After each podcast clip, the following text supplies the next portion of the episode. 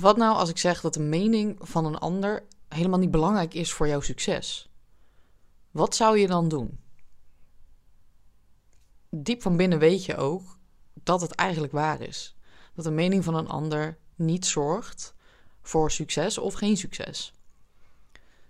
Stel nou dat je die mening even helemaal parkeert.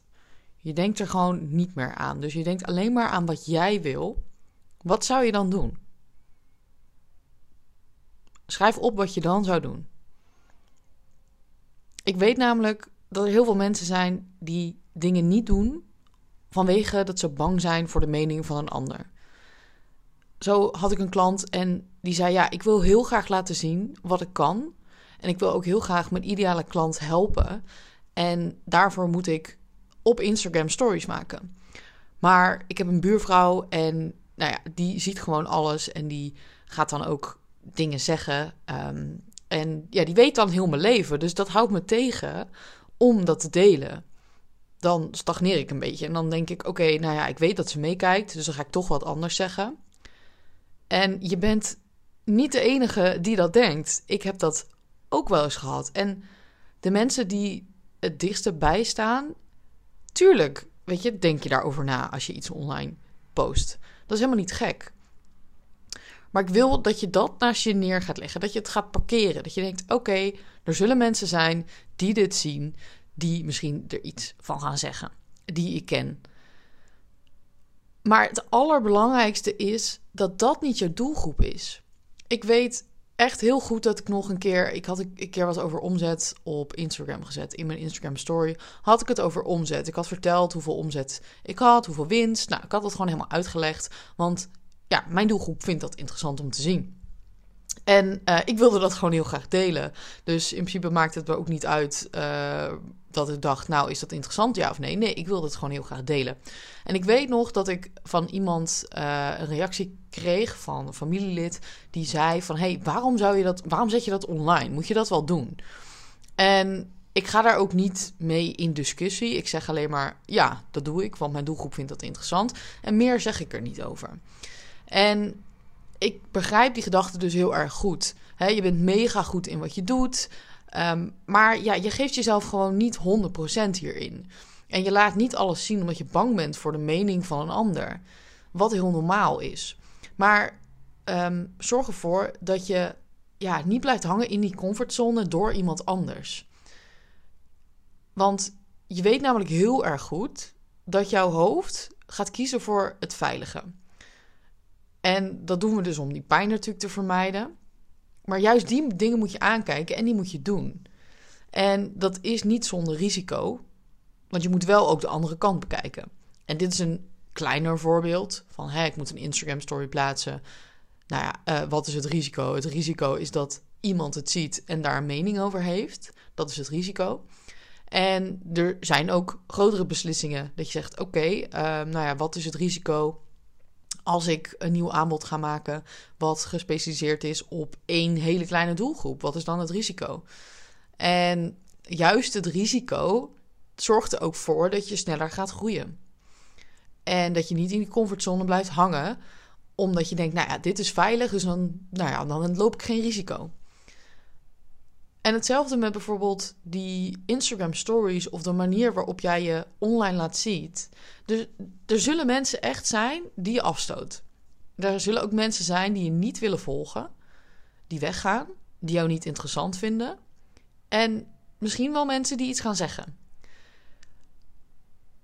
Maar als je niet opvalt, als je je mening niet durft te delen en als je niet durft te delen waar je voor staat, tuurlijk zal je dan nooit commentaar krijgen.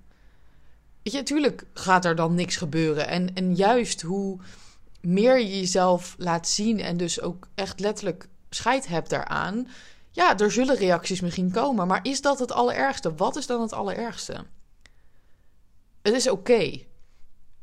Maar als je juist zichtbaar bent voor de mensen die ertoe doen, die uiteindelijk jou blijven volgen, uiteindelijk door jou geïnspireerd raken en klant worden, en juist de beste klanten worden, daar gaat het om.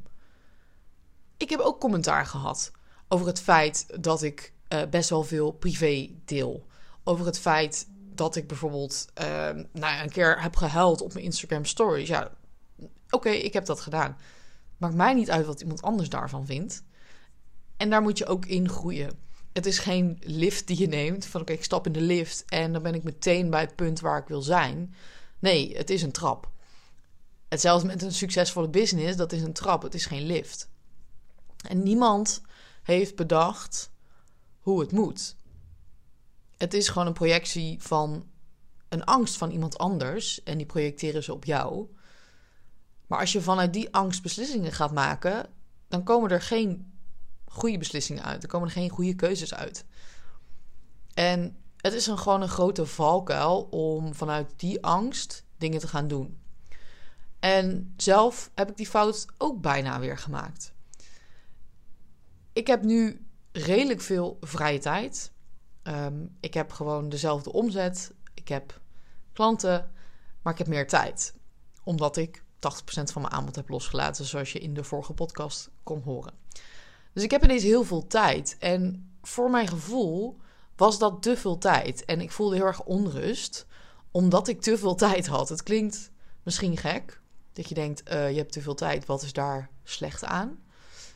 Maar ik ben heel erg gewend dat druk zijn succesvol is. En dat is iets wat ik twintig jaar lang heb geleerd. Als je druk bent, ben je succesvol. Je moet druk zijn, anders ben je lui. En dat gaat er niet zomaar uit. Dus nu weet ik dat dat niet zo is, omdat mijn bedrijf zo ingericht is dat ik gewoon die vrijheid heb. En wat mijn brein dan gaat doen, die gaat zeggen: Nou, dan moet je weer even een nieuwe training maken. Of dan moet je weer iets nieuws gaan doen. Zodat ik weer druk ben. Maar waardoor ik dus eigenlijk weer meer rust nodig heb. En nou, dan kom je dus in zo'n spiraal waar je ook niet meer uitkomt. En er zijn dus verschillende soorten angsten. En ga dus heel goed na van hey, wat is dat voor angst? En is die realistisch en waar komt die vandaan? Komt dat vanuit schaarste? Komt dat doordat je bijvoorbeeld bij iemand anders hebt gezien dat die heel veel verschillende dingen doet en jij denkt van, oh, dat moet ik dus ook doen. Ik moet ook webinars geven en ik moet ook een training geven, want dan heb ik ook meer klanten. Dan ga je uit vanuit de verkeerde angst. Dan maak je een keuze vanuit die angst en dat wil je niet. Ehm, maar er is ook een ander soort angst, of nou ja, angst misschien niet, maar een soort spanning die je voelt. Dat je eigenlijk wel weet dat je het moet doen, maar dat je het spannend vindt. En dat je weet, als ik het wel doe, komt er een heel mooi scenario uit en ga ik groeien. Nou, en die spanning, die moet je wel hebben. En als je dat voelt, als je dus weet van oké, ik vind het mega eng, maar ik ben ervan overtuigd dat het goed voor me is, hoe eng ik het ook vind, ik ga het toch doen. En die moet je juist wel doen. Voorbeeld, ik ben weer aan het kijken om te gaan reizen om vijf weken te gaan reizen en te gaan werken. En het liefst wil ik eigenlijk weer naar Bali. En ik vind dat super spannend. Ik ga heel eerlijk zijn, ik vind het ook weer spannend om te doen. Het is lang geleden dat ik dat in mijn eentje heb gedaan. Um, stiekem wil ik dat niet alleen. Eigenlijk wil ik het met iemand delen. En ik voel dus dat er een spanning zit. En dat ik dus ook voor mezelf dan dingen ga bedenken om het niet te doen. Maar ik weet onderbewust echt 100% zeker dat ik het moet doen. En dat ik weet als ik alleen ga en ik ga daar overheen, dat er aan de andere kant een heel mooi scenario uitkomt. En dat ik heel erg ga groeien. En er zit een spanning omdat het weer onbekend is, omdat het weer nieuw is. En bedenk dan ook altijd voor jezelf, als je een grote keuze moet maken, het ergste en het beste scenario. En als je er dan over nadenkt, dat ergste scenario, wat zou er dan gebeuren? Zou je het kunnen oplossen? Waarschijnlijk ga je niet dood. En het beste scenario, als dat uitkomt, Waar sta je dan? Nou, en met je business is dat dus precies zo. Als je bereid bent om te falen, word je ook veel sneller beter. Dan ga je sneller groeien. Dan krijg je betere klanten. Dan verdien je meer geld. Als jij nooit je prijzen verhoogt, dan ga je nooit meer verdienen. En hoe eng dat dan ook is, je weet aan de andere kant dat er iets moois uitkomt. Dus bedenk heel goed wat die angst voor die mening van anderen doet. En waar het dan ook voor dient. Want maakt het jou nu een betere ondernemer als jij in die comfortzone blijft zitten en dus die, die content niet plaatst of die stories niet plaatst vanwege de mening van een ander? Kijk, die buurvrouw, die boeit het eigenlijk helemaal geen reet. Die heeft daar heel even een mening over. En dan gaat ze door met haar eigen leven. Want uiteindelijk ben jij alleen maar de hoofdrolspeler in je eigen leven en niet van een ander. Dus zij staat daar vijf seconden bij stil. En dan gaat ze door met haar eigen leven. Want dat is voor haar het allerbelangrijkste. En jij bent er dan heel lang mee bezig. Je hebt er heel veel energie ben eraan kwijt. En je hebt je doel niet bereikt. En jij hebt er dus meer last van omdat jij niet zichtbaar bent. En ik denk dat je juist veel geloofwaardiger maakt als je het wel doet. Als je dus wel die visie en die mening deelt.